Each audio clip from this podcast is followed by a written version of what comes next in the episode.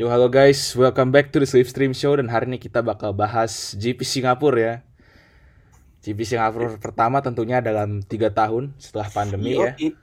Jadi udah cukup lama juga kita nggak ngeliat balapan di Marina Bay ya. Jadi Iya, kemarin apa aja sih kita lihat di GP kemarin? Pertama ya seperti biasa Charles Leclerc pole tapi yang menang Red Bull.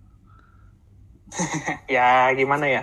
Sebenarnya gini, eh, dari start aja gue udah nyadar ya pas Sergio Perez dapet startnya bagus terus nyalip Iya, langsung nyalip Leclerc. Leclerc Dari ya. situ gue udah sadar, wah ini berat sih. apalagi Red Bull tuh sebenarnya masuk ke second part paruh kedua ke musim ini tuh mobilnya ini loh jadi lebih kenceng loh jadi kayak ada advantage gitu daripada eh, Ferrari ya Se- Sebenarnya iya mungkin tapi kayaknya secara quali pace ya. Kalau Hmm. quali pace mungkin masih masih unggul kalau tracknya Singapura masih masih okean Ferrari dikit ya. iya Tapi kalau race pace sebenarnya kalau kita lihat kemarin star-star aja sih race pace Ferrari sama Red Bull ya. Cuman emang iya ya itu dia apa namanya kan ini Singapura Hmm. street circuit kondisi kayak gitu ya susah nyalip lah iya Udah- terus udah belum jelas. sirkuit sirkuitnya bumpy terus apa tembok di mana-mana kan jadi cukup Iya. Dan Susah, uh, tikungannya juga itu banget ya tajam-tajam semua gue lihat Singapura itu rata-rata. Ya, Singapura tuh kalau gue lihat rata-rata tikungannya tuh gigi gigi 5, gigi 4, gigi 2 tau gak sih? Iya, belum belum lagi hujan kemarin. Nah Basah. iya. Hujan juga kemarin juga Udara faktor. udara ya. Singapura kan lembab kan guys. Iya. iya Oh iya kita juga nggak lupa nggak ngering-ngering. ha, di Asia Tenggara tuh kemarin balapan tuh hujan cuy. Mau di F1 Mot- MotoGP tuh dua-duanya hujan, sempet di delay gara-gara hujan deras ya. Terus ya kita lanjut bahas race. Jadi ya Checo Perez melakukan start yang bagus, dia langsung nyalip nyalip Leclerc ya di start. Habis itu di belakang Carlos Sainz juga nyalip Hamilton dan sempet senggolan dikit ya. Sempet kontak maksudnya bukan senggolan. Terus Max Verstappen eh, yang kualifikasinya cukup buruk ya. Dia ngalamin problem di mana bensinnya habis kalau nggak salah ya pas eh, Ya, qualifying. disuruh box sama timnya. Iya, Padahal box. bentar lagi udah mau pole position. Iya itu sektor 1 sama 2 tuh ungu loh cuy. Lebih cepat 900 milidetik cuy. Iya. Verstappen sebelum masuk ke pit. Ah, dan sebenarnya yang first try-nya juga emang kenceng banget di sektor dua tapi sektor Tapi- tiganya tuh bener-bener kayak Iya, Ah, iya. hancur. apalagi yang pas masuk ke ini, masuk tikungan 21, 20, 19 itu kayak kok pelan banget gitu kan di mobil. Apa apa hati-hati banget gitu dia masuk ke tikungan itu. karena eh, kalau menurut gue itu emang sektor paling sulit di tracknya terus juga masih basah ya emang pembalap nggak mau nge-push juga daripada ntar nabrak tembok Nah iya. mending Udah gitu kan tracknya panjang kan ya. Hmm, Jadi susah iya. ituin temperaturnya. Panas terus bannya. Iya. Padahal gue udah Sama gue ngeliat waktu itu Max Verstappen benar-benar puh gila sih itu udah deket banget sama tembok di sektor 3 tuh gue udah liat banget lapnya. Iya. Tapi ya sayang aja kayak terlalu twitchy-twitchy di sektor 3 jadi ya Dapat vibes ini ya, Saudi Arabia 2021. Iya. hampir sih jujur hampir. Mirip. banget. Verstappen ya. Mirip Saudi, tapi Saudi ya dianya nubruk kalau di sini mobilnya yang bermasalah. Ya mobilnya habis bensin. Ha-ha. Miskom sih lebih tepatnya miskom sih. Iya, habis itu Verstappen juga startnya cukup apa kurang bagus ya bisa dibilang ya. Buruk. karena Ini Dia hampir ini- hampir anti stall dia. Ha. Turun 4 posisi, 5 posisi. iya dia nurun ke posisi ke-13 ya kalau nggak salah. Habis itu dia Iya, juga ngelebar, dia 13. juga ngelebar. Ya kan? Dia juga ngelebar motong turn 1 ya. Dan apakah itu Ya, ajaran dari untung untung nggak kena Iya. penalti itu dia. Iya. Ya karena dia nggak ada ini sih, nggak ada space sih, jadi agak agak bisa ditolerir Iya. lah ya. Ada nggak ada space, nggak gaining ad- advantage juga, Hmm. turun malah yang ada. Iya kagak. Iya, turun. apa, masih bisa Jadi ditolerir. ya lah. makanya. Jadi Apakah emang nggak itu- penalti lah yang Hmm, namanya juga. Apakah itu ajaran dari Lord Mahfir?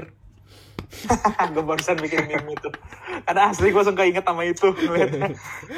Lord Mahfir motong turn satu tapi nggak nggak oh itu kan itu mah dia apa dapat advantage kan dapat keuntungan bisa nyali pembalap gitu di Iya. turn satu Kalau nah ini kan kagak kan kan iya habis itu ya setelah itu nggak begitu banyak kejadian sampai turn 8 ya di mana the goat Nicholas Go TV Go TV sama Go Joe. Joe. Iya. Iya. Oke itu salah TV sih, jujur Iya. aja. Dia salah ini sih dia lagi di depannya si Zhou kan ya abis itu dia malah ke kiri kan terus si Showa juga Si ke kiri. Latifinya padahal ini loh, eh, putaran sebelumnya dia hampir ngesot. iya. Makanya si Joe berani. Cuman untuk TV-nya ya. tahu Kayaknya lah. ada dia gitu. Pling langsung dah. Dar. kena dah. Hancur suspensi dan itu safety car ya kalau nggak salah ya. Safety car atau virtual Sa- safety car ya bener ya? Safety car full, full Safety car, full safety car. habis itu terus ya. eh, di situ nggak terlalu banyak kejadian nggak sih habis itu eh, Eh, eh, buat ya buat 28 nggak ada apa-apa. Tapi setelah itu virtual terus virtual safety car terus. Iya, ya, banyak terus juga sambil ini nih VSC muncul banyak banget juga. perdebatan. Sama muncul perdebatan juga.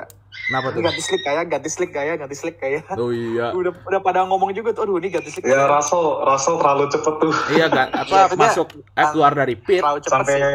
Nge-slide kan sempet dia- ngedrift dia jadi kelinci percobaan deh iya makanya jadi kelinci percobaan bener-bener Lagian juga dia udah nggak ada apa-apa ya udah nating tulus saya ternyata emang ya belum saatnya sih iya dia pas keluar dari pit habis ganti ke medium juga mobilnya agak-agak nge-slide agak ngedrift ya kan iya pasti turn 3 hampir hampir kena tembok malah Iya. angkatnya.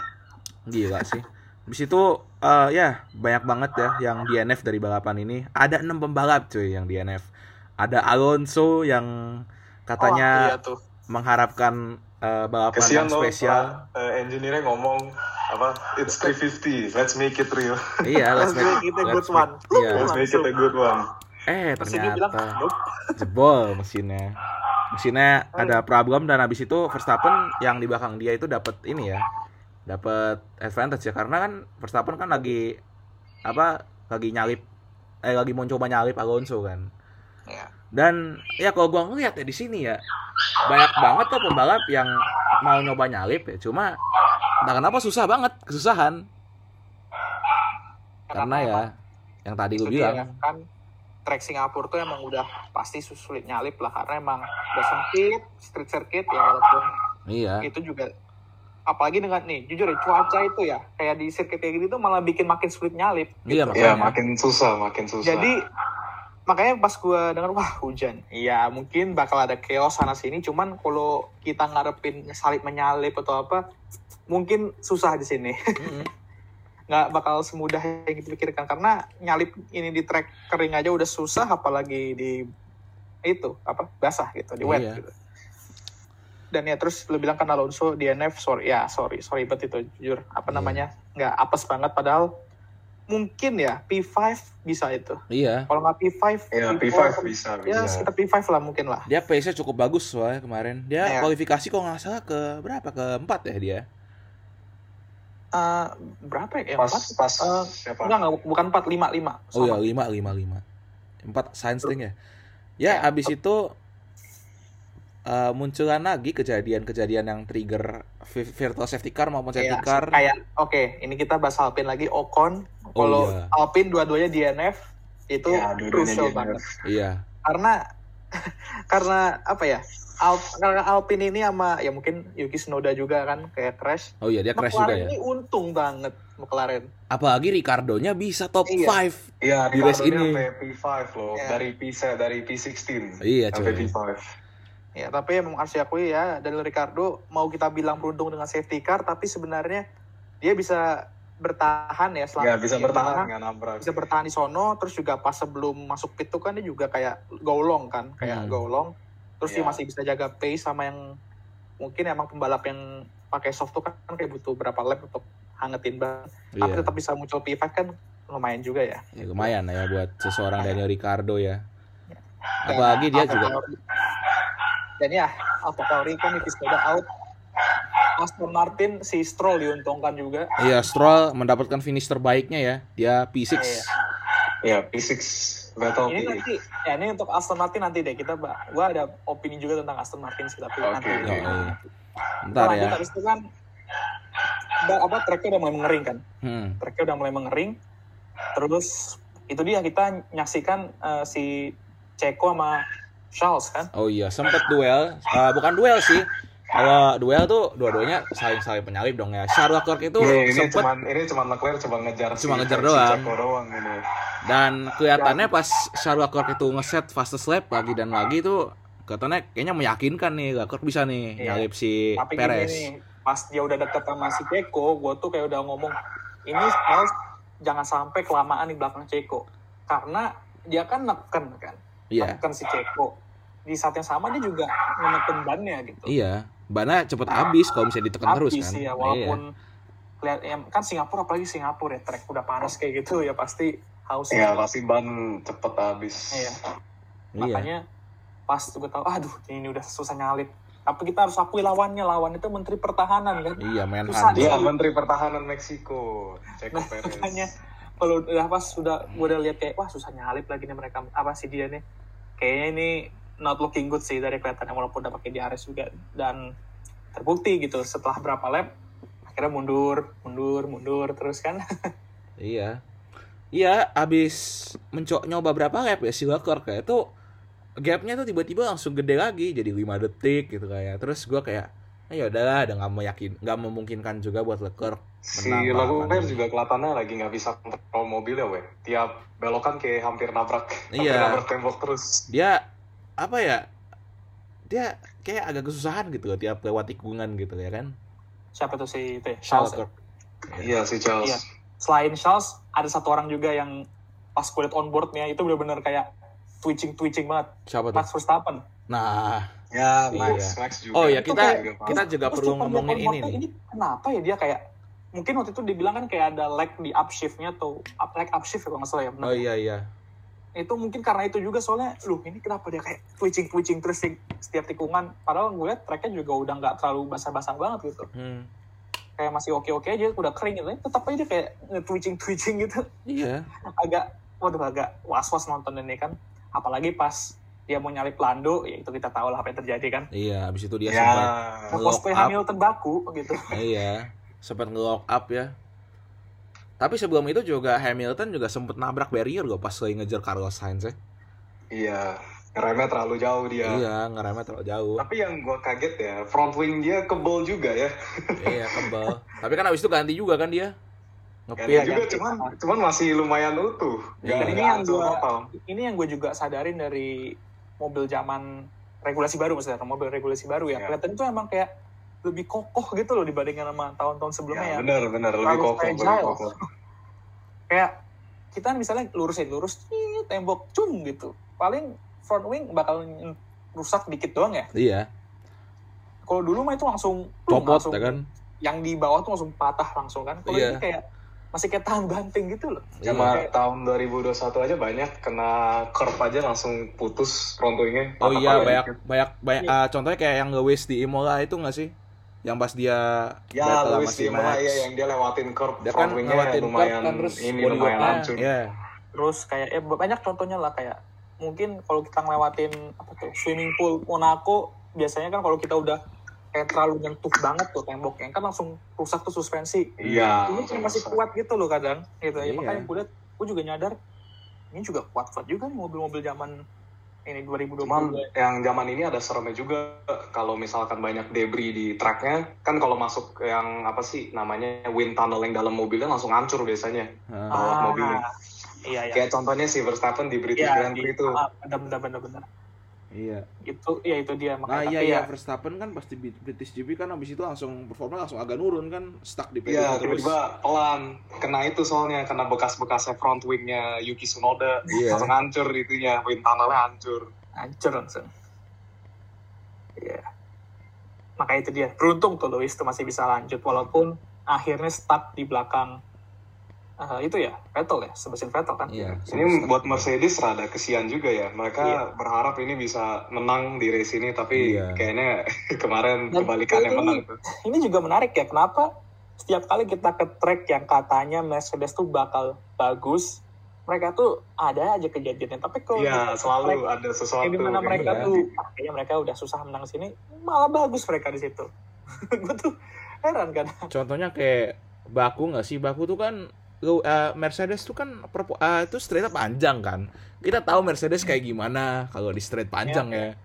kayak baku lah terus kayak Iya. kita juga sebenarnya itu bakal horor banget tuh Mercedes jujur terus Iya, juga itu Sampai Iya. sakit, sampai sakit sakit pinggang kan si Lewis kan waktu itu. eh makanya asli itu bener-bener dah iya. terus a- pas di akhir-akhir kita tuh disuguhi battle Jordan ya. Iya, Battle Jordan, Vettel, Verstappen, nama Hamilton ya. Nah di sini yang gue Iya, iya. ini nih gue bakal bahas nih Kenapa Aston tuh? Martin nih. Kenapa Lance Stroll kabur?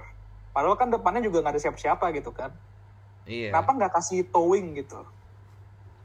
Kayak ini kasusnya sama kayak Eh. Magnussen sama Schumacher di Austria kemarin gitu kayak Magnussen bisa aja kayak apa mundur dikit terus si Schumacher bisa dapat DRS Hmm. biar bisa defend sama Hamilton gitu. Nah, Hmm. Di sini kenapa Stroll nggak kayak gitu juga gitu loh? Kayaknya kalau begitu ngerinya tuh Disalip resikonya pernah gede, itu. Weh. Ah, Iya, tapi Resikonya kan, gede. ya, tapi kan saat Soalnya- itu kan juga Verstappen kan saat itu juga mesti di belakang. Nah, Kan ancaman terbesarnya kan dia gitu kan. Bukan Iya, Hamilton gitu kan. Hamilton gitu-gitu nggak bisa nyalip si Sep kan udah iya. coba berbagai macam cara Iya. akhirnya gagal Hamilton juga ini kan, Hamilton ngelebar kan pas mau nyoba iya itu makanya Vettel. dia di itu kan di Hmm. itu apa namanya disalip sama Verstappen Iya. Verstappen yang bisa nyalip nah dari sini aja gue udah mikir ya udah salip ini Tapi kata gue kenapa si Hamilton juga gampang kesalip? Itu kan gara-gara ya kalau mau nyalip kan harus milih racing line yang beda kan. Nah, kadang-kadang Line- ya kayak gue ah bener satu Pas. satu racing line yang kering itu cuma satu doang gitu loh. Kan Ya, udah pada pakai slick semua. tuh. Pas awal balapan gue liat Verstappen tuh beberapa kali ngambil racing line berbeda untuk nyalip si pembalap depannya kan. Iya. Di awal-awal tapi ya ini dia nih kan kalau misalnya emang situasi kayak Vettel depan nih, Hamilton Hmm. belakang, Verstappen di belakang. Itu kan bakal ketarik kan, saling tarik menarik kan, slipstream di gitu Iya, kan. saling Iya. mendapatkan Iya, slipstream makanya itu dia kenapa nggak Aston Martin nggak nerapi strategi itu lagi juga Lance Stroll nggak ada ngejar Ricardo juga di depan gitu loh. Iya. Kayaknya karena hari itu tracknya kan, you know, banyak apa ya, banyak yang bikin kesalahan kan di tracknya. Kayaknya Aston Martin seremnya kalau si Lance Stroll tiba-tiba mau ngasih tau dia nggak sengaja bikin mistake, ruginya jadi dua mobil. Iya, takutnya apa ketabrak gitu kan amit-amit kan Vettel terus gak ada poin buat Aston Martin ya. Iya sih, ya emang ada resiko juga tapi kalau emang situasi gitu bisa sih sebenarnya. Iya. Bisa-bisa aja sebenarnya gitu loh. Apalagi kan track ini susah nyalip, mending ya iya sih kayak gitu. Sayang Iya. aja kayak udah last lap ha- hilang tuh dua poin tuh dua poin lumayan loh. Iya. Kan persaingan untuk posisi 7 di klasemen tuh sama Haas sama Alfa Tauri itu juga lumayan tinggi tuh in- intensitasnya kan Iya. ketat kan. Makanya gue sayang disayangkan itu aja sih tapi ya wes lah itu udah terjadi dan ya pada akhirnya Ceko menang. Ya, Ceko menang, Saka kedua, Carlos Sainz ketiga. Ceko benar-benar udah kayak apa ngesus hatersnya ya. Iya, Kan soalnya ada yang banyak yang bilang termasuk gue sendiri kayak heran kenapa Ceko makin lama kok kayak nggak kelihatan gitu ya. Underperform. Asli nih Iya. orang invincible banget jujur kayak nggak gue aja nggak tahu di oh di situ dia ternyata gitu loh. dia iya dua race terakhir underperform. Di Monza itu kan Yang dia sama Verstappen parah loh. Iya. Di belakangan ini parah banget. Ah, soalnya kita gini deh, kita ngebedainnya gini. Pas di Monaco sama Baku itu Perez tuh kelihatannya ini kelihatan mengancam buat Verstappen. Iya benar benar. Nah ketika kok langsung dah ke mana nih orang? Iya, Iya, ngilang, kenapa tiba-tiba pace-nya hilang? Contohnya apa ya yang dia pace-nya agak kurang? Bukan pace agak kurang. Eh, tanda-tanda dia underperform tuh ya Monza kemarin dia kan ke 9 ya. Terus break-nya juga sempat overheat beberapa kali kan. Iya benar. Kalau gue tuh di Monza sama di mana waktu itu ya? Di Itu. itu Zandvoort. Iya Zandvoort, nah. Hmm. Zandvoort juga lumayan tuh dia nggak tahu ke mana tuh Zandvoort tuh. Iya, sama Paul Ricard Eh. juga sih yang dia tiba-tiba disalip sama Russell tuh juga Iya, Parah sih. yang di disalip Russell habis bias itu. Kaget sih itu. Iya, padahal sebenarnya dia punya pace buat podium, cuma pas safety car-nya kelar itu tiba-tiba disalip gitu coy dia. Kayaknya sih itu karena development mobilnya lebih fokus ke Verstappen sih. Apalagi Verstappen kan lama-lama. ini yang dipentingkan kan, karena kan dia yang lagi Iya. leading championship, dia OTW Jordan kedua gitu kan. ya itulah yang mungkin kita kira tapi baik lagi kita nggak tahu juga tuh apa tuh yang terjadi mungkin ya bisa jadi karena emang upgrade-nya yang bikin mobil cenderung lebih nyaman ke Max dan Ceko mulai harus adaptasi lagi dari awal Iya. atau juga emang apa namanya Mas Verstappen tuh udah mulai nyaman sama setup mobilnya gitu Iya. Udah Oh iya, padahal gini, awal musim Red Bull itu mobilnya lebih nyocokin ke Perez ya kan kalau nggak salah ya. Ya, lebih ke understeer. Soalnya mobil tahun 2022 tuh cenderung understeer biasanya. Iya. yang dia Si nih Perez suka understeer. Sedangkan Ver- Verstappen sukanya oversteer dia. Iya. Ya, ini apa itu yang- gara-gara alasan kenapa gue main F1 22 ya itu gue nge-hot lap di Baku sama Monaco tuh susah banget lah tapi gue F1 2017 gue nge-hot lap ya itu bisa gitu dapat lap bagus bisa ya. aja kan iya. Iya. Apa iya sekarang gue baru tahu alasannya ya. Gimana ya? Kalau emang misalnya bener ya kayak tadi tuh yang yang apa kasusnya Verstappen udah mulai nyaman ya itu juga alasan kenapa dia juga layak bisa dibilang tuh pembalap terbaik F1 saat ini. Karena emang secepat itu Ya, dia beradaptasi gitu kan hmm. ini dia kadang orang-orang suka nggak lihat orang tuh cuman oh ya mobilnya kenceng bla bla bla bla bla bla bla Iya, gitu kan tapi mereka nggak lihat gitu mau mobil sekencang apa pun kalau kita nggak bisa jinakin ya apa sama ya aja bohong sama gitu. aja. Iya, sama aja sama bohong. aja. itu dia makanya orang-orang nih suka nggak paham kadang sama orang yang suka mendominasi itu apa gitu loh yang it's just the car gitu-gitu doang kan Iya, Ya, it's just the car. It's just Mau zaman Lewis ya. Hamilton, mau zaman Sebastian Vettel, mau zaman Michael Schumacher, Semuanya- lah semuanya pernah dapat gitu. ini lah semuanya respon kayak gitu. perlu mobil kenceng. Lu nggak bisa menang juara dunia di Haas atau di Williams. Ya, Ya nggak percuma. Mau mau driver secepat apa pun di Haas nggak mungkin. iya nggak mungkin gila. Impossible. bagi kalau nggak percaya coy. coba lu pindahin di game lu Verstappen pindahin ke Williams coba. Bisa nggak ada juara dunia? Nah iya kagak kan. Nggak agak kan? Nggak iya. bakal bisa. Nggak bakal bisa cuma gitu loh. Iya. Ini dia orang terus nggak paham nih. Terus siapa? Posisi ketiga tuh nah Sainz ya? Carlos Sainz sih jujur Sainz. nih. Carlos Sainz jujur ini orang juga menghilang menggila di balapan ini. Kayak struggle banget bahkan dia sempet tertekan sama Hamilton. Lewis sama Lando di akhir-akhir pak. Oh iya dia ya Alonso Iya, eh Alonso lagi. Norris juga sempat neken Carlos ya. Tapi nggak dapet juga ujung-ujungnya. Iya, iya. Baik lagi karena susah nyalip dan Lando lebih milih posisi 4 daripada podium itu. Karena emang McLaren kan tujuannya sekarang pengen itu. Pengen Full P4. outfit. Dapat before ya. P4. Ah, ah. Jadi ya, ya buat apa nge- ngeresiko dapat posisi ketiga kecuali kalau Carlos emang saking leletnya. Iya, mereka terus kesalip. bisa gitu kesalip gitu bisa aja. Iya.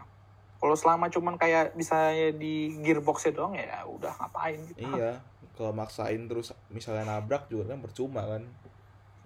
Dan karena hasil ini McLaren kan naik ke P4 di Iya. klasemen dan Aston Martin naik juga ke Oh iya, Posisi Aston Martin tujuh juga gitu. naik ke P7 Iya, ya. Karena naik ke tujuh Aston Haas- Martin. Haas tuh gue bingung aja kenapa ya bisa ini kayaknya kayak gini. mirip ini kayak mirip-mirip 2019 karena ya mungkin gini mereka tuh kan juga ada berapa kali kayak pace mereka tuh bisa untuk dapat poin minimal P9 P10 lah Iya. tapi emang ada aja masalahnya mau itu pit stopnya amburadul atau mungkin ya kayak Kevin Magnussen kemarin lagi-lagi Iya, Kevin dia, Magnussen ya. dia kena Iya, Iya, K-Mac Itu itu ya, dia nggak bisa lama-lama- dipisahkan sama orange and Magnussen black lap satu flag. itu Iya. udah tiga kali Iya. sekarang, udah Iya tiga kali. itu lama-lama bendera black and orange flag tuh udah dikhususin untuk dia doang Iya, kayaknya ya. Iya, makanya. diasosiasikan untuk dia gitu, diasosiasikan sama dia. Ya, ini bahan meme nih boleh nih gue catat dulu nih bahan meme nih Iya. Bahan mim, bahan mim. Iya. Ya aduh makanya ada aja lah khas tuh dan baik lagi ada juga momen mereka emang pace mereka tuh ya hancur juga gitu mau di quality race pace Iya. jadi upgrade mereka tuh bisa bilang mirip Percuma. kayak 2019 ya mereka Percuma upgrade sih. mobil malah makin nurun gitu Iya. mobilnya Jadi kayak percuma gak sih? Iya, benar percuma. Gue jadi gue jadi keinget loh pas si siapa ya si Gunter tuh ngomong kita tanpa upgrade aja bisa kenceng apalagi dengan upgrade. Dengan upgrade malah sama aja. Iya. sama aja coy. bukan sama aja malah makin nurun Iya, gitu makin Iya, parah. malah makin turun di beberapa track. dan nih fun fact juga ya semenjak summer break satu tim yang belum nyetak poin sama sekali tuh Haas loh Ya, so- ya, Sisanya Williams, Williams udah sama Nick De Vries loh. Iya, Malang Pride, Malang Pride. Malang Pride, Iya. De Vries. ngomong Gue soal Nick dengar Vries, kemungkinan nih ya bisa Alpha Tauri kan? Iya. Iya. Minggu ini kemungkinan bisa minggu ini. Minggu ini diumumin bisa. Oh ya soalnya dari Kanal Plus kan kalau nggak salah si Or Iya. Ordalnya bilang gitu katanya. Karena menurut gua Kanal Plus tuh bisa dibilang nyaris dikit mirip kayak Fabrio eh Fabrio, Fabrizio Romano-nya itu F1. Or Karena emang Ordalnya nggak sih? Credible, credible mereka kayak apa namanya bisa dipercaya gitu. Iya. Hmm. Dulu aja gue ingat mereka bilang George Russell balap pindah ke Mercedes di hari apa? Gue percaya, beh bener langsung beritanya. Ini serius gue makanya waktu itu gue langsung bikin meme wah kanal plus. Apa? Orang lihatnya kayak oh biasa. Tapi kalau orang yang pakai kacamata lihat uh itu Fabrizio Romano nya F1 itu. Iya. makanya gue percaya sama kanal plus sih. Mungkin minggu ini bisa sih. Harusnya minggu ini bisa. Iya bisa bahkan jadi. tadi aja siapa tuh yang nge-share tuh? Ada yang nge-share video Nick De Vries ditanya he's going, eh bukan ditanya sih, ada yang ngomong he's going to Alpha Tauri for 2023, langsung wow gitu kan. Gitu, wow, dia udah udah kayak ngasih kode gitu, udah pasti di sini. Iya. Udah Wex. Nah, kalau dia ke Alpha Tauri, siapa yang bakal dia gantiin? Gasly Pierre kayaknya Gasly. Pierre Gasly. Gasly. Dan kemungkinan Pierre Gasly juga ke ke Alpine. Alpine tuh udah Hampir mendekati pasti. lah, belum dan deal tapi mendekati lah. Iya. Kalau misalnya emang De Vries beneran ke itu, ke ke Alpha Tauri, berarti Gasly ke Alpine. Mick Schumacher ke mana tuh? Tetap di Haas gitu. Berarti kem- kemungkinan katanya Mick Schumacher bisa digantiin Nico Hulkenberg katanya. Nah, Oh ini iya iya. Ngomong-ngomong soal Haas, ya barusan gue tadi juga baca di Twitter ya. Sky Germany ngomong katanya negosiasi kontrak baru untuk Mick dan Haas tuh lagi masuk ke tahap omongan pertama nih, masih kayak step pertama lah. Setelah Singapura Grand Prix. Barusan gue baca, nggak tahu benar atau enggak. Tapi ya, kalau gue jadi Haas, gue pertahanin Mick Schumacher gitu. Ngapain lu ngambil pembalap kayak Antonio. Giovinazzi yang waktu Oh. jadi F1 udah tiga musim, ya gitu-gitu aja ya sorry to say. Aman nih Nico Hulkenberg yang oke Nico Hulkenberg boleh lah jadi opsi tapi kenapa perlu, gitu? Perlu Kenapa adaptasi gitu? lagi menurut gua. Kalau misalnya dia ke Haas, bener gak sih? Iya karena gini, kalau misalnya Mick Schumacher nih, dia tuh masih kayak awal-awal musim crash terus, buang-buang duit tim. Iya. Lu mau ganti dia ya boleh-boleh aja gue mah. Kalau udah jadi gubernur Masalahnya kita kan sekarang di zaman cost cap kan. Iya. Nabrak itu terhitung cost cap. Jadi kayaknya Iya. Haas Oh ya abis ini gue pengen bahas pengen tentang cost cap ya. minimal guys. bisa bawa pulang mobilnya. Iya. Ya nanti itu nanti ya cost cap nanti dulu Iya. Raf. Terus Iya.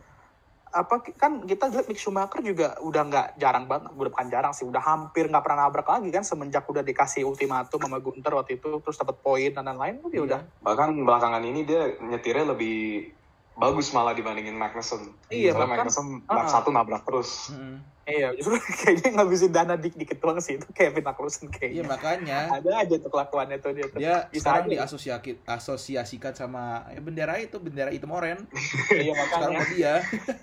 Black and Makanya, orange flag. ini dia nih kan kadang pembalap F1 tuh yang nggak semua sih tapi ada beberapa yang butuh waktu tiga musim lah paling tiga musim aja nggak Iya. usah sampai empat musim lima musim tiga musim lah. Contohnya kayak Little TV tiga musim nggak berbuat apa nggak ada bagus-bagus oke Iya. oke lah.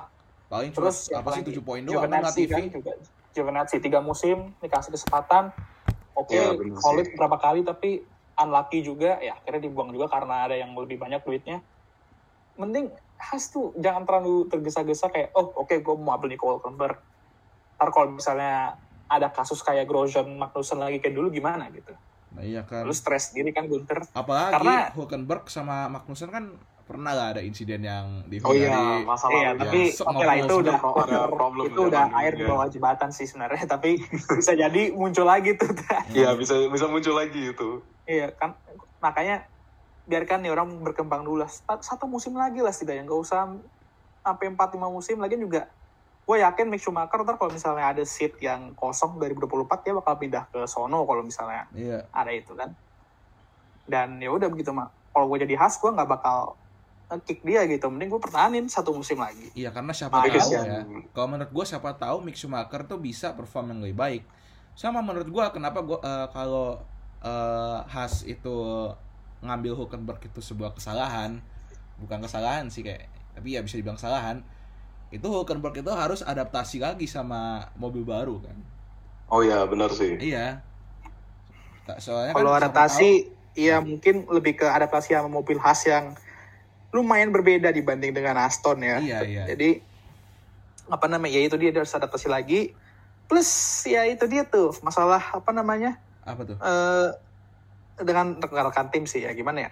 Eh, susah gue jelasin tapi ya bisa dibilang kayak apa apa harus apa namanya kayak menghadapi Kevin Magnussen juga kalau misalnya mereka emang ntar akhirnya nge-clash lagi kayak zaman Magnussen dan Grosjean terus dua-duanya juga ngabisin duit terus bikin Iya. Gunter Steiner naik darah juga ya itu Iya kan. musik sendiri khas kan itu loh makanya gue bilang udahlah ini situasi Kevin Magnussen sama Mick Schumacher lagi oke-oke aja paling yang sedikit tinggi tensinya tuh pas Austria doang habis itu kan udah aman-aman aja kan Iya. Iya. Kan juga selama Kayak- musim ini aman-aman aja kok nggak ada clash gitu, Iya. kan. ya paling Austria doang sih waktu itu Mick sempet emosi Ya, karena Mick dia sempat nggak- sempat kesel nggak dikasih karena dia sama ngasih itu towing kan ya itu oke lah itu normal lah namanya juga pembalap pasti ada saatnya emosi itu nggak bisa Iya. dikontrol lah apalagi masih muda gitu kan Iya. itu dia makanya terus itu dia lah pokoknya dia kata gue mending pertahanin Mick Schumacher nggak usah ngadi-ngadi ngambil pembalap lain kayak Hulkenberg apalagi Antonio Giovinazzi buat apa gitu Iya, Giovinazzi soalnya tahu lah di Alfa Romeo juga nggak begitu memukau kok dia kata gue.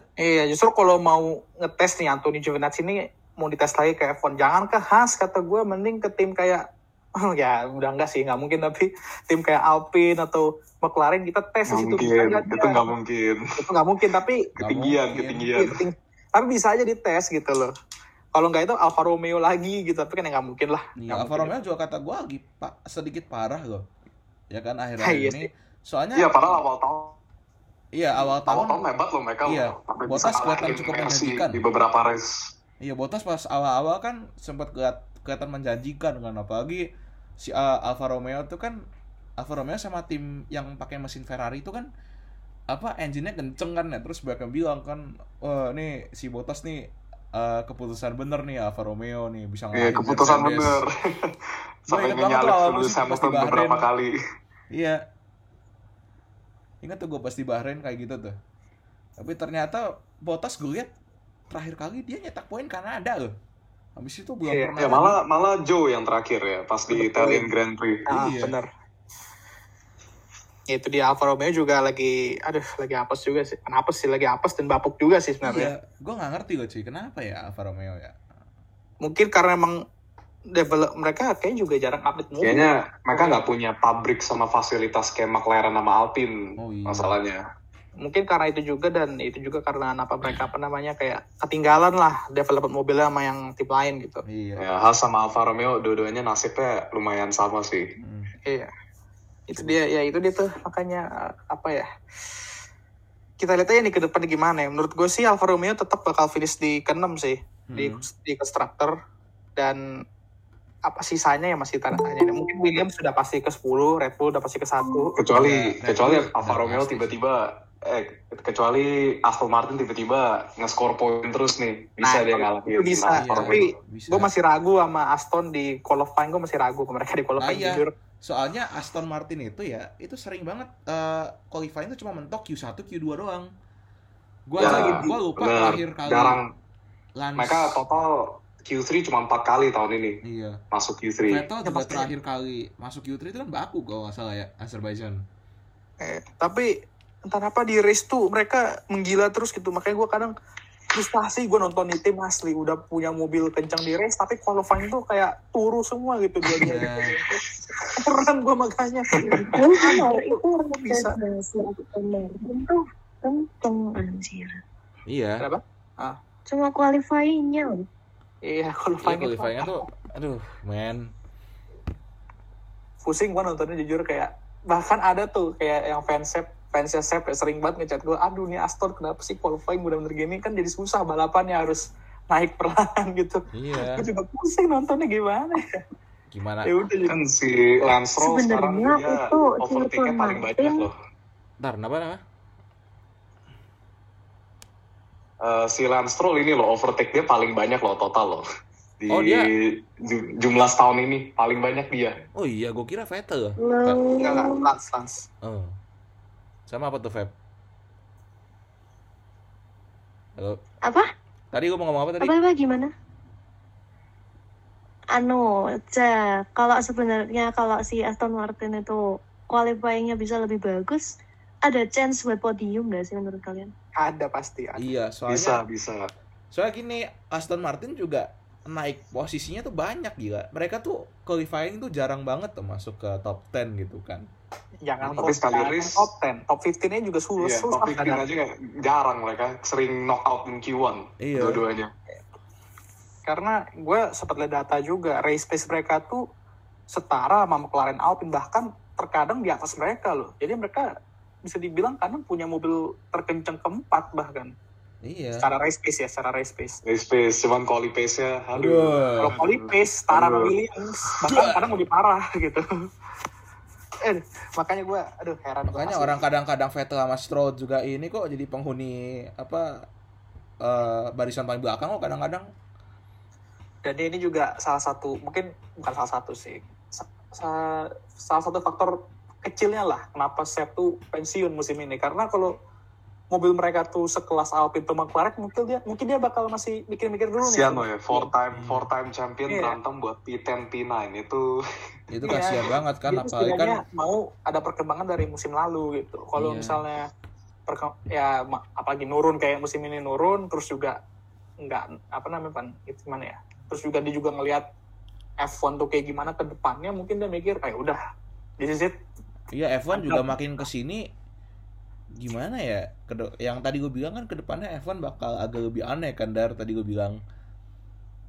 Aneh enggak sih tapi lebih bukan kayak aneh. apa ya terlalu sadis. Kayak bayangin oh iya iya. balapannya eh, kita juga mau bahas tentang kalender ya guys. Karena kalendernya baru udah keluar ada 24 balapan guys. 24 race. Itu dan secara logis race. stres itu sumpah. Kesian tim-timnya. nah iya.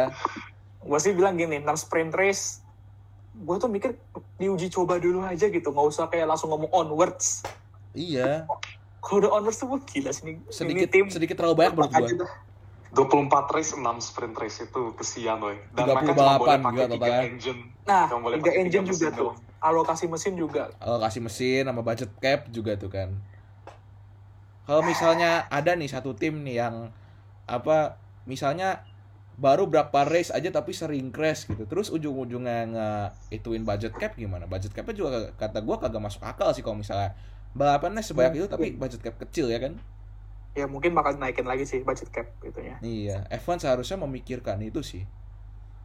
Ya harusnya dipikirin lah asli nih. Ini gue harap benar-benar F1 tuh udah mikir semateng-mateng mungkin lah pokoknya jangan sampai setengah mateng doang ini. Iya gue tuh udah bilang aduh Dominic kali gue tahu lu ngincer duit gue tahu lu bener. Money kali money. Keuntungan iya gue bener. Karena gue tahu F1 tuh kayaknya juga pas pandemi itu rugi juga lumayan gede. Tapi tolong kalau mau ngelakuin hal kayak gini dipikirin mateng-mateng. Jangan iyalah. langsung joblos aja gitu buset Iya. dah. Nah, asli nih orang bener-bener Apalagi Tapi- sekarang ya, kata gua Domenicali itu ya. Dia sekali deal sama sirkuit baru, entah di Middle East atau US, itu dia panjang anjir. 10 tahun lebih. ya itu emang karena biar ensure aja kayak apa namanya pasti nih ya be- beberapa tahun tuh mungkin track-track klasik tuh udah mulai ngilang juga sebenarnya Iya. kita ambil contohnya mungkin kayak Belgia yang cuma satu tahun diperpanjang itu feeling gue tuh bisa aja tuh berapa tahun ke depan udah nggak ada lagi tuh balapan di Spa. Iya. Sekarang kata Monaco gua, oke lah Monaco masih 50-50 kata gue sekarang kata gua ya menurut gua F1 itu agak ini loh apa memprioritaskan apa yang fans DTS mau gitu daripada fans veteran. Ya bener. bukan Soalnya ya, fans BTS yang ngasih duit. Iya cuy. Iya, mungkin duit dari ya Netflix mungkin gitu. itu tapi kan emang Soalnya sekarang yang rame itu ya dari fans BTS itu, coy. Jadi ya Iya. gitu, susah. ya sih ya mungkin di salah satu faktor tapi ya bang dia ngincer yang masa masa depan juga sih ke depannya gimana gitu mungkin mungkin ya Dominicali itu punya visi yang berbeda dari F apa CEO F1 sebelum sebelum sebelumnya sih kayaknya. Kayak Bernie. mungkin oke money pertama. Terus dia juga kayak pengen bikin semacam fondasi baru untuk dunia F1 gitu. Jadi kan F1 tuh mikirnya mungkin selalu kalau secara normal ya. Pre practice satu dua tiga qualifying terus apa balapan terus kalender sini sini sini sini terus gitu kan yang Hmm. klasik klasik dia pengen ngubah mindset itu juga mungkin gitu loh Karena lebih dia segar tahu- ya. Heeh, karena dia Something tahu fresh mungkin gitu ya kan. kalau misalnya F1 terlalu kayak yang gitu-gitu aja gitu mungkin dia mikir ah mungkin bosen gitu ntar bakal banyak fans itu nah makanya ya lu bilang tadi tuh fans TTS tuh kan datang ke F1 tuh mulai nonton lagi kan Hmm. dia pengen ya apa namanya istilahnya kayak memuaskan tuh biar mereka tuh bisa stick untuk waktu yang lama gitu Iya. karena ya kalau nggak salah dulu juga zaman zaman dulu tuh sebelum kita Pas semua lahir lah. Bernie Ecclestone bukan tuh? nggak jauh-jauh sebelum itu juga kadang F1 ada nih yang semacam, semacam hal kayak gini kan kayak apa mengubah sebuah kayak misalnya kalender tuh bisa berubah drastis gitu kan kayak tiba-tiba ada muncul track-track apa ini baru-baru nggak tahu kan Iya, oh ya Terus soalnya se- gini, pas zaman-zaman Bernie Ecclestone juga Bernie Ecclestone tuh kayak MotoGP sekarang dibanyakin Asianya cukup banyak loh. ya beda Ya dulu sampai ada di Korea, India. Iya. Iya. kalau Bernie itu emang terlalu itu dia old school kan kayak itu lu lihat aja tuh apa dulu F1 tuh kalau kita nonton highlight tuh pakai race edit dulu gue inget banget itu pun gak diupload ke F1 ya bahkan ke channel F1 ya channel F1 itu cuman kayak bahas apa waktu itu gue juga nggak tahu tapi semenjak Iya. diambil liberty nah itu semua udah berubah gitu Iya. Kayak- Cara mereka mengemas suatu media itu itu bagus. dan itu juga nggak langsung kayak bener-bener serot gitu kan langsung kayak sem- semua ulti dipakai tapi kayak perlahan gitu. Jadi kayak mungkin highlight dulu terus ntar kalau udah mulai banyak gitu ntar dibahas dulu apa bisa tag tag apa tag talk gitu kan terus mungkin apa gitu. Ntar baru tuh udah pokoknya sekarang udah enak gitu ditonton media sosial F1 banyak aja tuh Hmm. yang bisa kita tonton kan. Seru jadi ya gitu. Nah, itu dia makanya maka, apa namanya mau diubah semua gitu dari kalender sistem Tapi karena itu positif juga sih. Sebenarnya ada positifnya dan F1 memiliki pertumbuhan paling besar dari semua olahraga di dunia. Iya. mungkin sekarang Sosial media. 80% tuh negatif tapi semakin lama itu mungkin bakal turun bakal lebih ke arah positif itu yang gue pikirin sih ya makanya Iya. itu dia tuh semoga yang gue pikirin tuh bener dia tuh bener-bener udah mikirin matang-matang udah mikir ke depan tuh gimana gitu Iya, nggak cuma walaupun- asal eh, yang Iya. penting duit gitu ya, enggak ya kan? mungkin iya duit inceran pertama tapi baik lagi dia juga pasti harus ada ngincer ini nih apa fans-fans yang baru ini gitu Iya, jadi nggak asal oh saya mau apa? Gua pengen nyelenggarain balapan di sini gitu. Yang penting eh, biar buat duit, enggak, biar ekspansi fansnya juga ada gitu ya kan? Mm-mm, gitu betul dan kadang dia mikir kalau fans yang lama nggak suka ya udah bodo amat gitu gue Iya. lebih mentingin fans baru yang mungkin bakal stay lebih lama gitu Ya bener sih. Iya. itu dia makanya udah itu aja yang gue sih beranggapannya kayak gitu semoga aja emang ke depannya F1 bisa ya gue sih maunya merajai ya merajai itu sport secara gen- general bisa bersaing Bisa, sama itu itu bisa. bisa bers- sekarang aja F1 iya bisa Iya, bersaing sama sepak bola gitu Salah satu Iya. paling besar sekarang. Kayaknya Iya, F1 jadi- iya salah satu paling besar gitu. Paling besar kedua setelah eh iya sama sama bola kayaknya paling besar deh. Kayaknya kalau di sekarang masih ada kayak semacam tenis itu kan masih kayak di atas F1 tuh sekarang tenis terus sepak bola ada pasti NBA. NBA juga masih ya. NBA masih di atas. setara lah setara setara Ah, setara. Terus ya itulah pokoknya mereka si F1 ini bener lah pengen biar mereka kadang-kadang orang nih kalau anak kecil ngomong eh lu suka nonton apa olahraga? Nonton balapan? Balapan apa? F1 kadang kalau dulu-dulu zaman-zaman kita dulu kan Hah, Lu suka F1 nonton gitu. apa gitu kan. kalau olahraga sepak bola dukung siapa MU misalnya gitu kan kan kan gitu kan Dulu juga jarang-jarang kan lu nemu anak kecil gitu demen F1 itu jarang banget. jarang Jarang, jarang. Gua ini, gua ya, contohnya. sering gue. Belakangan Gua nonton sering. gua dulu ya, gua pertama suka MotoGP sama F1 itu kan pas gua SD lah ya. Temen-temen gua jarang aja ada yang demen kedua olahraga itu. gue nemu yang suka MotoGP itu kayaknya pas ya SD tapi kelas 6 kalau nggak salah kan ada tuh ya Jangan SD, gua SMP cuy. kalau F1 gue tuh baru nemu tuh pas SMA kalau Iya F1 makanya. Oh, F1, F1 SMA. Iya, Oke. F1 SMA SMA. nemunya ya terus gue kayak sempet Tapi hmm, aku belum bisa apa sekarang sampai sekarang belum temu anjir itu yang sama-sama suka F1 di SMA. Hmm. nanti di univ, univ, univ. jarang banget. Kalau di kuliah mungkin ada tuh kayak kuliah aja gue juga baru tahu oh teman gue ada nih satu nih yang Iya suka nih, F1 gitu gua kan. sama Gue gue gue kaget.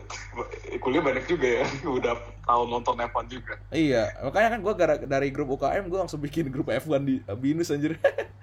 gile mantep gue baru nemu satu sih tapi nggak tahu siapa tahu ada lagi tuh yang Iya. di kampus gue yang suka F1 ntar hunting-hunting lah kalau ada iya. Eh by the way, jadi ini nggak bahas tentang BC, budget oh iya boleh boleh Karena- ini terakhir aja ya Eh, sebelum Singapura GP, gue nemu rumor yang katanya Aston Martin sama Red Bull itu Ah. melanggar budget cap tahun kemarin.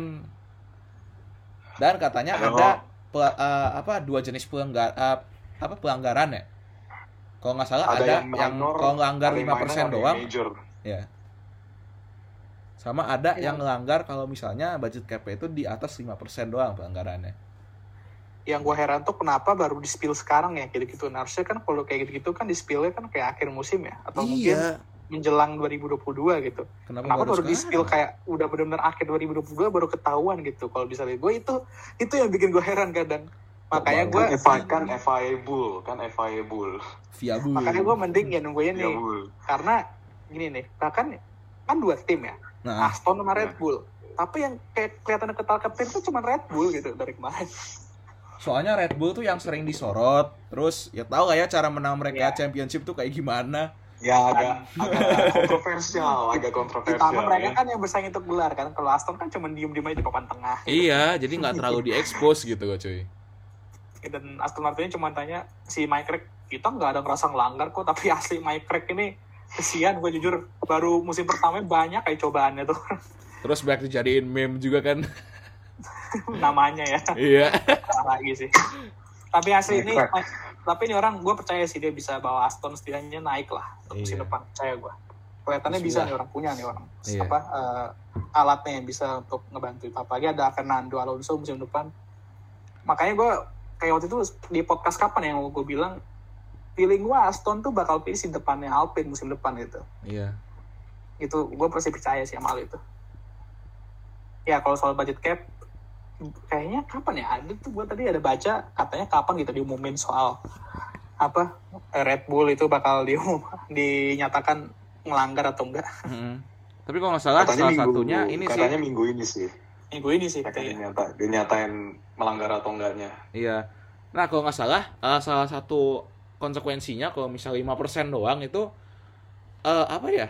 Championship mereka tahun kemarin itu poinnya dikurangin, driver maupun konstruktor. Ya, Sama mereka itu. nggak boleh ikut free practice kalau nggak salah. Kalau misalnya yang sama di atas ini 5%, cost cap ya- mereka bisa diturunin lagi buat tahun depannya. Oh iya dan iya. kalau nggak salah jatah wind tunnel ya gue juga ada baca jatah wind tunnel juga dikurangin Ya, jatah wind tunnel juga dikurangin. Iya. itu, tunnel yang paling parah sih karena dari situ kan lo bakal tahu mobil lu tuh kayak gimana kan wind tunnel tuh Hmm. itu dia kalau beneran waktunya dikurangin susah sih buat musim depan Tapi kalau menurut gue kayak nggak mungkin sih mereka kurangin poin Verstappen sih. Itu Nah, Terlalu kejam. cha- cha- championship-nya udah terlalu lama Iya, diselesain makanya. dah pokoknya. Nggak Udah mungkin, terlalu lama dan- mungkin, nggak mungkin bisa ditarik. Iya. Udah lah, itu kalau soal championship yang gitu kayaknya itu udah. Paling denda sih kata gue udah paling denda dan dendanya juga nggak bakal murah masih mahal berat. dendanya Kalau gua denger sih katanya eh, Zigo Sport ya yang dari Belanda ya. Oh iya, Zigo nama. Sport. Zigo Sport kata mereka, mereka sempat nge-tweet katanya udah kebocor. Mereka dinyatakan emang ngelanggar cost cap. Wah, Dan katanya dendanya tuh 7,5 juta dolar sama ya itu bener tadi wind tunnel dikurangin buat mereka waktu wind tunnel. Cuman itu masih rumor. Cuman ya Zigo Sport sih katanya sih mereka yakin itu bener. Hmm, semoga sih nggak ada sih hal-hal parah yang nimpa mereka gitu ya. hmm ya dan oke itu kalau budget cap memang kita lebih nunggu ke itu aja sih ya karena kalau kita kayak masuk main asal dulu wah Red Bull ini wah Aston Martin ini kayak Ya apalagi fansnya fansnya Ono lah. ya Fans mana lah. lu, lu gak ada bukti lu gak kita nih gak ada bukti nggak usah main asal-asal nuduh gitu iya, Iya iya. yang tahu sendiri tuh cuma Red Bull dan nanti yang investigasi si FIA kan makanya Asbun anjir kadang-kadang fans-fans kayak gitu tuh. asli sih jujur ya udah akhirnya kita tunggu saja lah itu dan ini kita langsung aja nih ke terakhir preview Japanese Grand Prix yang seminggu lagi Oh ya, minggu ini sebenarnya guys. Minggu ini, minggu ini. Jam 12 siang. Jadi ya akhirnya balapan siang juga ya. dan ini nih gue ada tatar gue coba buka dulu tuh Eh, itunya tuh gue ada sempat share tadi sabar Oh sama. ketentuan Max Verstappen kalau mau juara dunia di Japanese Grand Prix Nah, apa tuh guys? yang pasti dia harus menang eh, kalau menang plus fastest lap kalau Leclerc posisi kedua atau bawah terus Ceko juga dua ke bawah Jordan Iya. terus kalau misalnya juara satu tapi Leclerc tuh tiga ke bawah dan Ceko dua ke bawah tuh juara dunia juga Hmm. lalu ada ini banyak sih jujur ada yang posisi kedua fastest lap Leclerc lima ke bawah Ceko empat ke bawah dan ini gue langsung ke itunya aja ya kayak kalau misalnya si Verstappen di posisi ketujuh atau ke bawah mau finish di mana pun nanti Leclerc sama Perez itu ntar tetap lanjut ke Austin ya Tapi ya, menurut gua walaupun lanjut ke Austin, udah bener-bener pasti kata gua Verstappen Iya. juara. ini Beneran? Kalau sampai lanjut ke Austin itu udah 100% Iya. Ini mah ini hanya ngelatih matematika kita aja sih sebenarnya. Iya, cuma MTK kita doang, coy. Karena lebih seru posisi kedua. Runner up. Ah, Iya, Yang- posisi Tapi kedua sama posisi ketiga tuh F1 battle sengit. F1, F1 apa pun bisa terjadi cuy. Iya. Siapa tahu mobil Max Verstappen bisa kayak awal musim lagi tuh jebol-jebolan tapi nggak mungkin lah kata gue Kayak contohnya kayak Kimi Raikkonen kan 2007 tuh dia dua race tinggal dua race ya. Terus itu kan zaman masih kalau menang dapat 10. Dia kan Hmm. tinggal dua race kurang 16 poin tuh Iya. pas itu.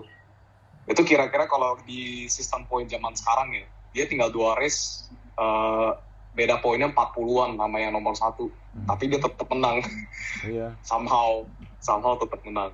sama Di- ya kasus sekarang di MotoGP nih yang awalnya juara apa runner up Ya, sekarang Fabio iya sampai sampai lebih 90 poin sekarang cuma Iya. beda dua.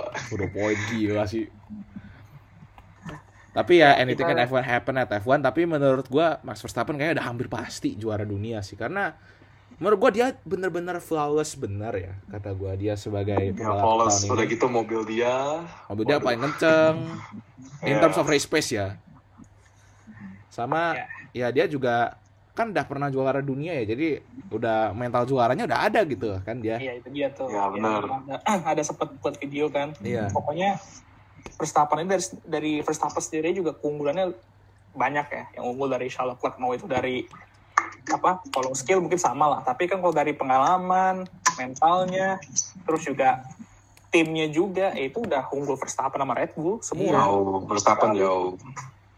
Nah, dia. Verstappen ya tadi kata kayak kata lo lebih berpengalaman sama sama pembalap yang itu pembalap veteran juga cukup berpengalaman dia kan pernah battle Iya. Raikkonen, Vettel gitu kan pernah. Hmm.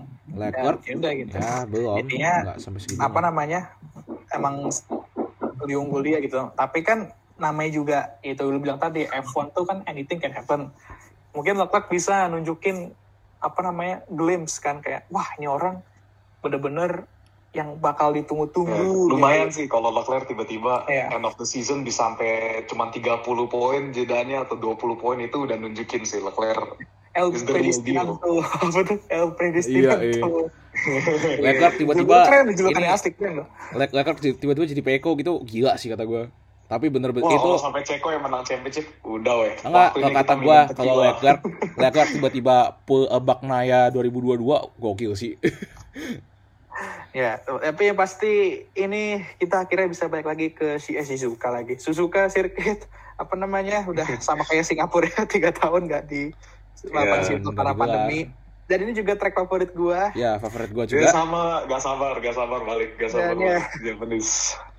Gak sabar kita bisa balapan di negara Wibu ini dan ya. Iya. Negara wibu. Iya. Dan katanya Mercedes yang ini nih banyak Mercedes juga bakal strong di sini kita nggak tahu kita lihat nanti Iya. aja. Yang pasti banyak sih dulu. fans fans Lewis yang over over confident banyak sih pasti. Soalnya mereka juga kagak sabar anjir pengen ngeliat Lewis menang lagi. Yakin gua. Dan apa gua ngeliat mereka tuh ya gimana ya ini ini ini ini sebenarnya nggak bener sih tapi kadang gua kalau ngeliat mereka kayak kayak gitu ya kayak bener-bener Mereka bakal menang di sini gitu ya. Iya, gue tuh rasa kayak semoga Lewis gak usah menang deh. Jujur, males gue ngeliat mereka keluar Asli, serius gue. Tapi enggak lah, jangan lah. Gue berpikir kayak gitu lah. Kalau Lewis menang, ya udah gue gak usah buka Twitter. Gue buka Instagram aja udah. Iya. Gue ke Instagram aja udah. Ngapain buka Twitter? Karena gue walaupun gak follow mereka pun, tetap muncul di TL gue gitu loh. Iya. Selalu Apalagi kalau cuy. banyak dan itu tuh, ya ya sudah lah. Tapi ya udahlah nggak apa lah. Mereka kalau juga senang ya gue juga senang lah Iya, gitu loh. nggak apa-apa Tapi tolong jangan bawa-bawa pembalap lain gitu loh. Iya.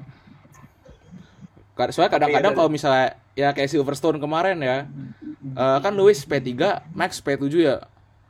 Banyak yang bilang tuh, apa Lewis Hamilton battle sama Schumacher buat status GOAT. Terus Max Verstappen battle sama Schumacher buat P7, levelnya lebih tinggi Lewis gitu kan. Apa gitu ya kan. gua ingat banget ada ada tweet kayak gitu ada.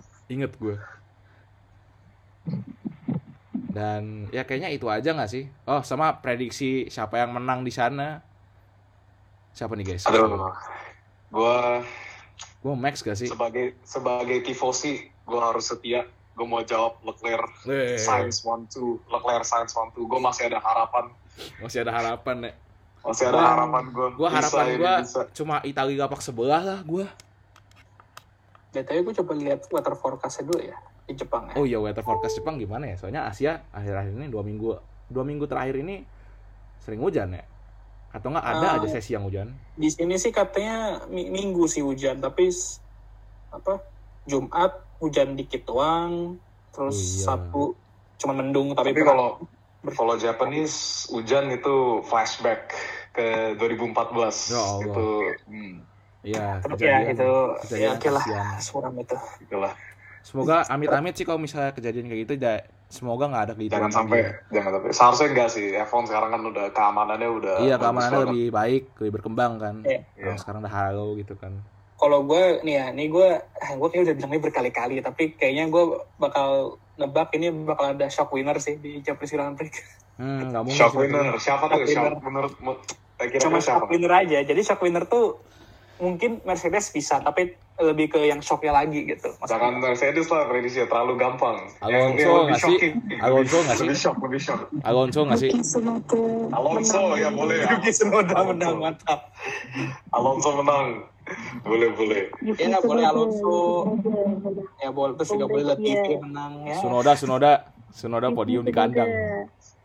Iya, pokoknya kalau gue bilang shock winner, podiumnya juga shock semua. Jadi bisa Iya. jadi tiga tim itu benar-benar tiga pembalap yang gak bakal di spek podium gitu. apa nih Re- apa prediksinya no Red Bull no Ferrari no Mercedes Iya nih betul. Atau enggak tiga-tiga Oke, tabrakan oke. gitu di eh, apa enam-enamnya tabrakan gitu di turn satu gitu. enam-enamnya tabrakan enam-enamnya tabrakan Itu kita kalau udah ada peristiwa bowling kayak kemarin aja tuh udah shock podium loh pasti Iya, udah fix. Pasti sih. Singapura kemarin hebat loh itu loh gak, gak shock podium loh padahal kelihatannya itu udah udah disiapin buat shock podium segala Iya, segala hal. udah melayang ke mana, Russell udah melayang ke mana, Verstappen udah ke mana. Tapi masih udah aja salah Jadi satu dari tiga, tiga, tim. Eh, tiga Ferrari. Cuman Ceko, Sainz sama Leclerc doang dan tiga-tiga tetap di podium lagi. Nah, terus kan kalau lu inget Singapura 2017 Duar, uh, boring. duar. Benar, dan podiumnya juga tetap itu aja Red Bull Mercedes kan. iya tetap Red Bull Mercedes ya gitu deh ya. Semoga aja shock podium, shock winner lah di Champions Iya. Grand Prix. Kita butuh Iya. Amin, amin, amin. Sekali lah. tapi Semua. tapi tapi at least walaupun shock winner shock podium please Ferrari masih 45 dong jangan Iya. jangan Oh, terbang, boleh lah, boleh, boleh. jangan terbang ke mana gitu jangan Boleh, tiba-tiba Ya, boleh. tetaplah berharap guys, tetaplah berharap. jangan, jangan tiba-tiba pasang wet tire di kering please Iya. jangan jangan Iya, Itu karena tenang sih. aja. Karena Oh, kalau misalnya Verstappen posisi ketujuh ke bawah, tetap ke Austin kok.